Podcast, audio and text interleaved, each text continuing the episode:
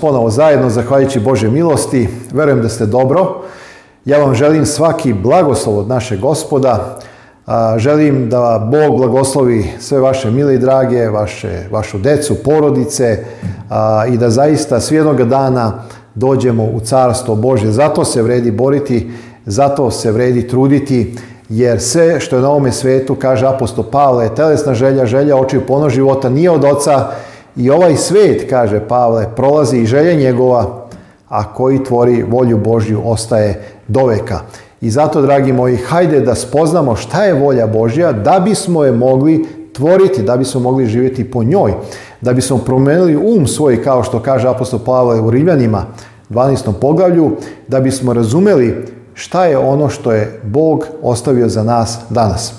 Ja vas želim motivisati i to je provučeno kroz sve ove emisije da čitate redovno Bibliju, reč Božju, da biste stekli taj biblijski um, da biste upoznali sadržaj Svetog pisma i polako sve više i snažnije razumevali šta je ono što Bog otkriva tebi i meni.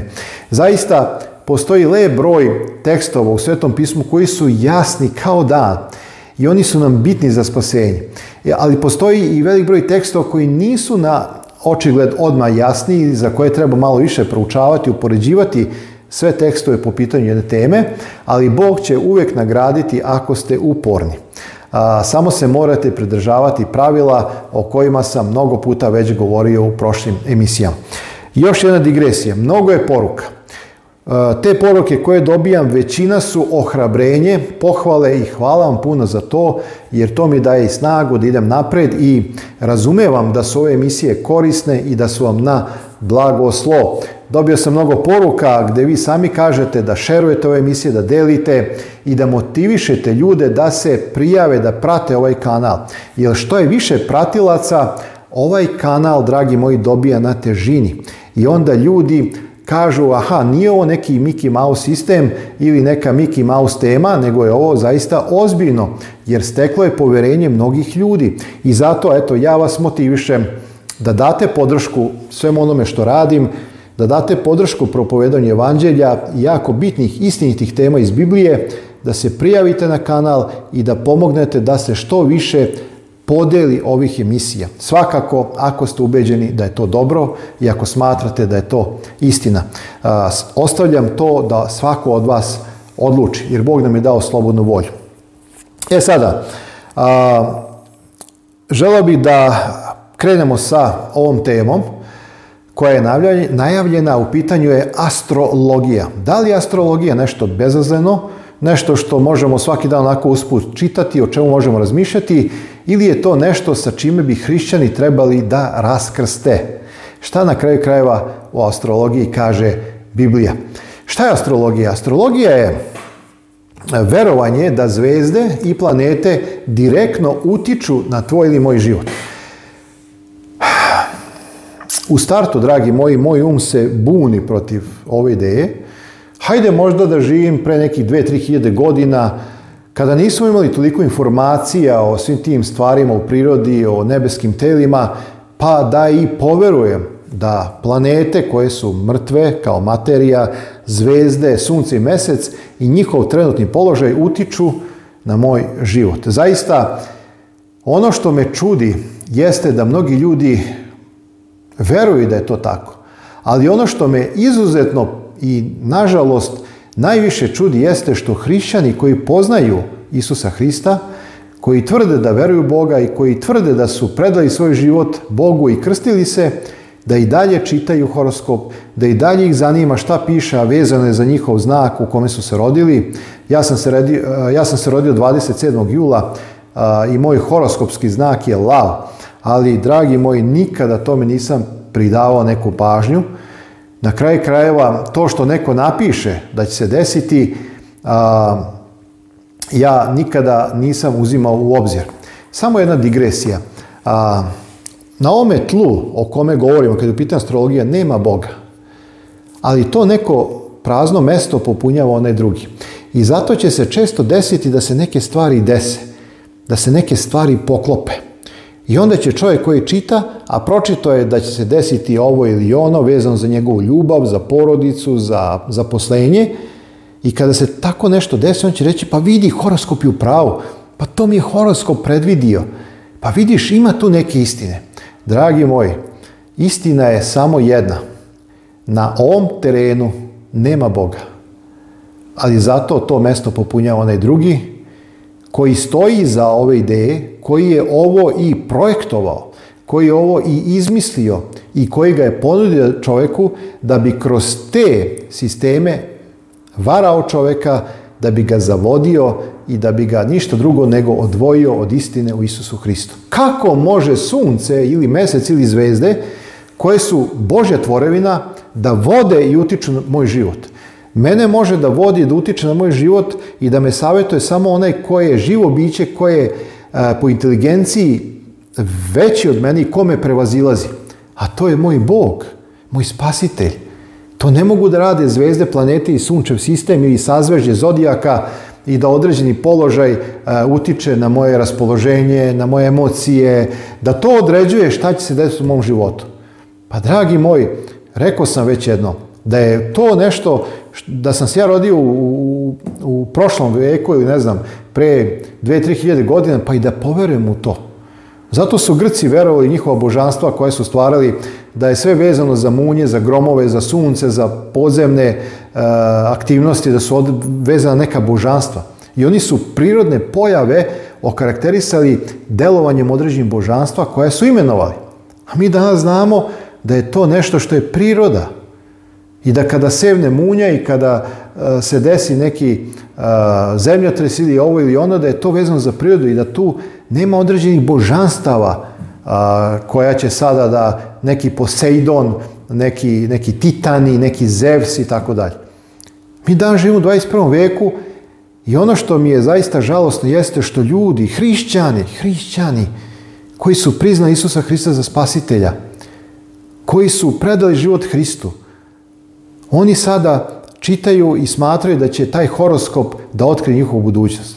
Dragi moji, to je ruženje hrišćanstva, to je ruganje hrišćanstvu i to je ruganje našem živom Bogu koji je stvorio nebeska tela. Astrologija je verovanje da zvezde i planete utiču na sudbinu pojedinca i naroda. I pazite, astrologija je stara bukvalno koliko i čovečanstvo. I razumijem da je to bilo zanimljivo ljudima u to vrijeme kada nisu imali informacije. Zašto seva munja ili zašto sada e, dolazi oluja ili e, kako to sunce daje da raste trava i tako dalje. E, prosto nije mi čudno što su ljudi tada u to verovali. Ali evo rekoh, vi razmišljate o onome što pričam. U biblijskoj knjizi proroka Danila koja je pisana sedam vjekova pre Hrista, kada je Vavilonski car sanjao san koji ga uznemirio, a o tumačenju tog sna i proročanstvu sam govorio u nekim mojim prethodnim emisijama, imate sudbina Europe u knjizi proroka Danila, upravo je sadržana u ovome snu, možete pronaći po naslovima u seriji Posljednja vremena. njega je to uznemirilo i on je u pomoć zvao nikog drugog nego zvezdare, astrologe onog vremena i tražio od njih da, da mu pomognu, ali oni nisu bili moćni zato što im Bog to nije dao. Ali je dao Duhom Svetim Danilu i da kaže šta je sanjao caru i da mu protumači san. Ali kao što sam rekao, to sam obradio u prošlim emisijama. E, čak kasnije se to sve razvija i prenosi na e, Grčku i tu imamo reč horoskop koji ima grčko poreklo, hora što znači doba, godin ili dana i a, skopos, što znači onaj koji to posmatra i koji na osnovu tog doba, dana ili godine pokušava da protumači i da otkrije neku budućnost. Postoji još i karta rođenja, sadrži poziciju planete u zodijaku, a početna tačka svakog horoskopa je sunce. I sunce i mesec se smatraju glavnim nebeskim telima koje vrše uticaj na sudbinu ljudi i to nije slučajno, dragi moji. Zašto? Zato što se sunce smatralo glavnim božanstvom i to u mnogim narodima. Pa recimo imate u Egiptu sunce kao božanstvo se zvalo bog Ra, zatim u Vavilonu bog Šamaš i u Persiji bog Mitra. I dan danas, nažalost, postoje nazivi da se prvi dan u sedmici nedelja zove E, Sontag na nemačkom, Die Solis, je tako, dan sunca ili sunčev e, dan.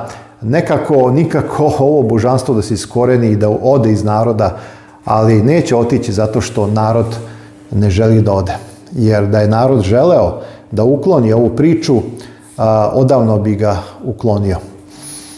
I tu zaista postoji veliki problem i velika žalost. Pogotovo što se i dan danas na neki način prvi dan, Die Solis, sunčev dan, Sontag, jel tako, slavi u hrišćanskom svetu. Ali to je tema koju sam već obradio.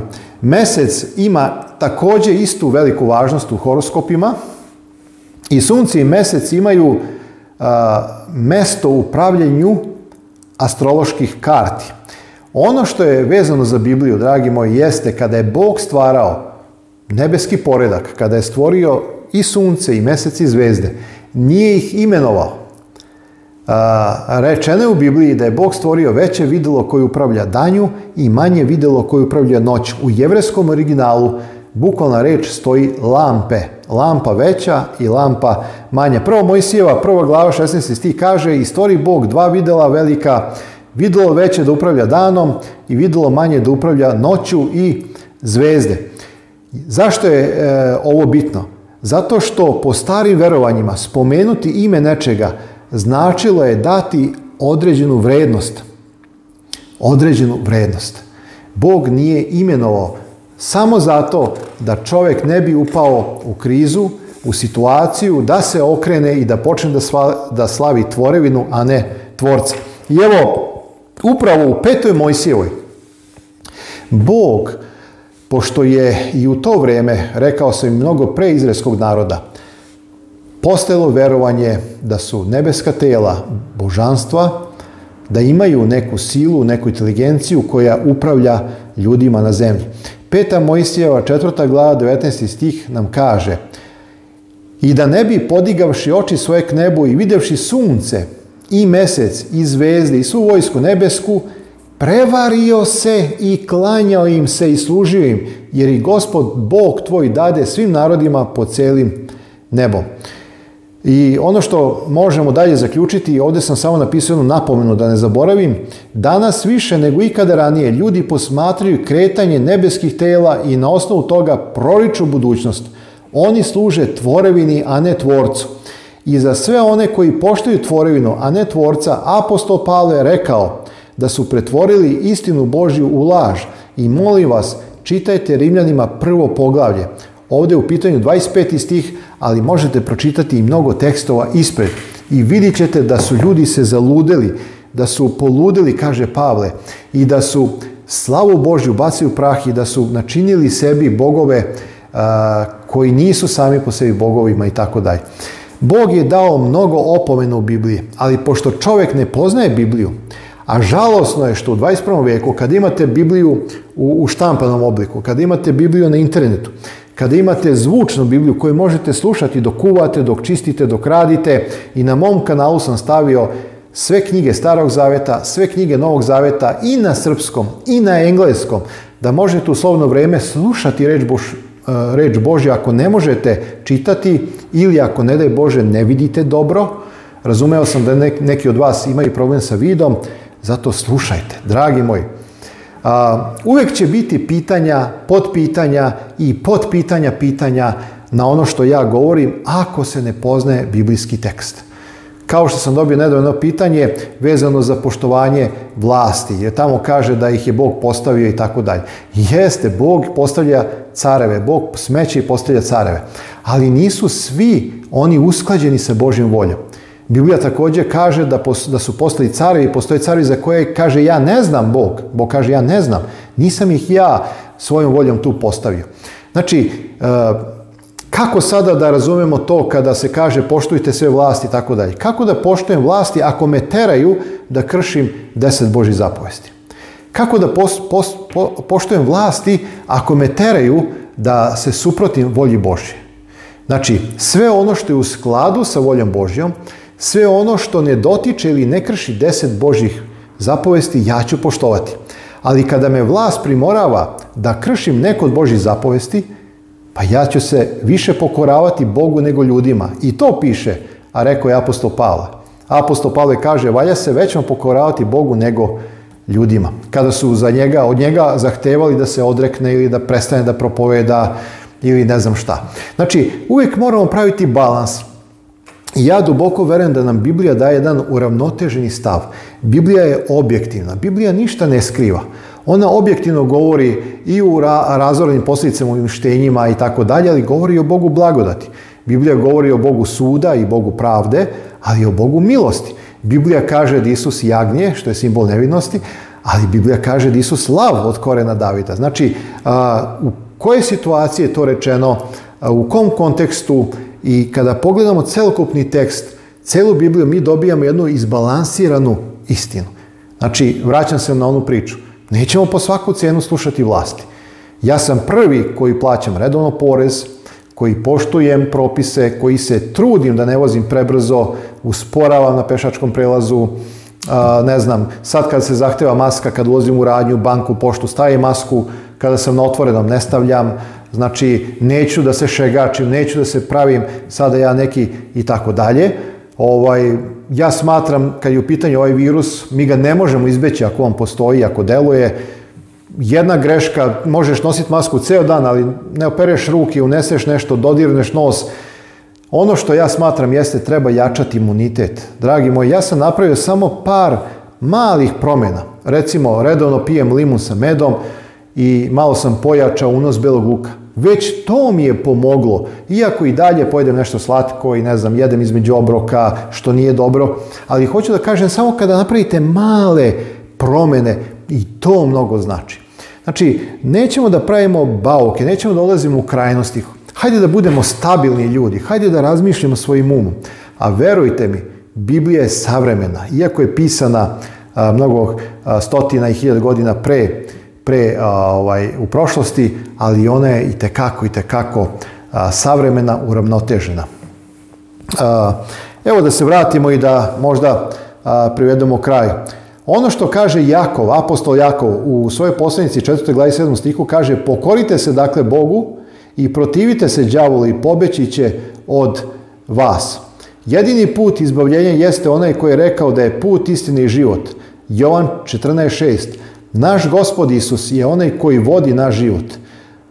Naš Bog koji je tvorac i vrelo života, koji je dao svoga sina, našeg gospod Isusa Hrista, je onaj koji zaslužuje naše povjerenje. Moj život i tvoj život treba da bude stavljen u ruke onoga koji je posvjedočio, potvrdio i dokazao svoju ljubav, a to je naš Otac Nebeski. Time što nam je dao Isusa Hrista, On je ispraznio nebo, time nam je dao sve. I dragi moji, Bog zaslužuje povjerenje. Ne da mi se oslanjamo na, na određene planete i kosmičke znake i ne znam, određena kretanja, zodijake i da se izrazim onako, ajde, prostački budalaštine, kada moram tako da kažem, prosto sam ponekad iznerviran kada, dragi moj vidim da mnogi ljudi dan danas čitaju i veruju u taj horoskop, veruju da te planete i sunčev sistem i kako god zvezde vode ljudski život. To je moglo da bude možda zanimljivo pre 2-3 hiljade godina, ali danas ja to moram da kažem ponekad i ne razumem. Evo, to je ono što sam želio da podelim sa vama. Još jednom, astrologija je verovanje da određeni položaj planeta i zvezda u nekom trenutku usmeravaju i određuju naš život.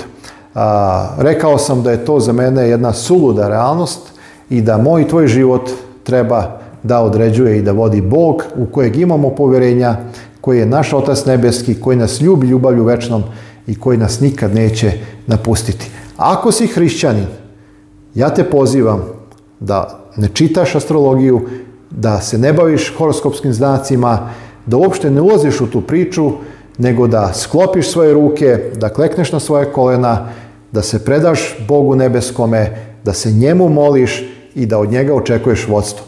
Tada će tvoj život procvetati, tada će tvoj život dobiti smisla, tada ćeš osjetiti neverovatnu sigurnost bez obzira na budućnost koja je neizvesna, jer Duh Sveti to svjedočava da je Bog ne samo sa tobom, nego da je Bog u tebi.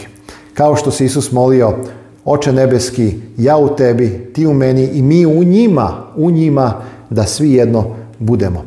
Bog ne može biti u tebi i ne možemo biti jedno sa Bogom ako naše povjerenje usmeravamo na nebeska tela koja nisu ništa drugo nego Božja tvorevina od mrtve materije koje je Bog postavio da služe nama, a ne mi da zavisimo od njih u tom nekom egzistencijalnom smislu budućnosti, života i tako dalje.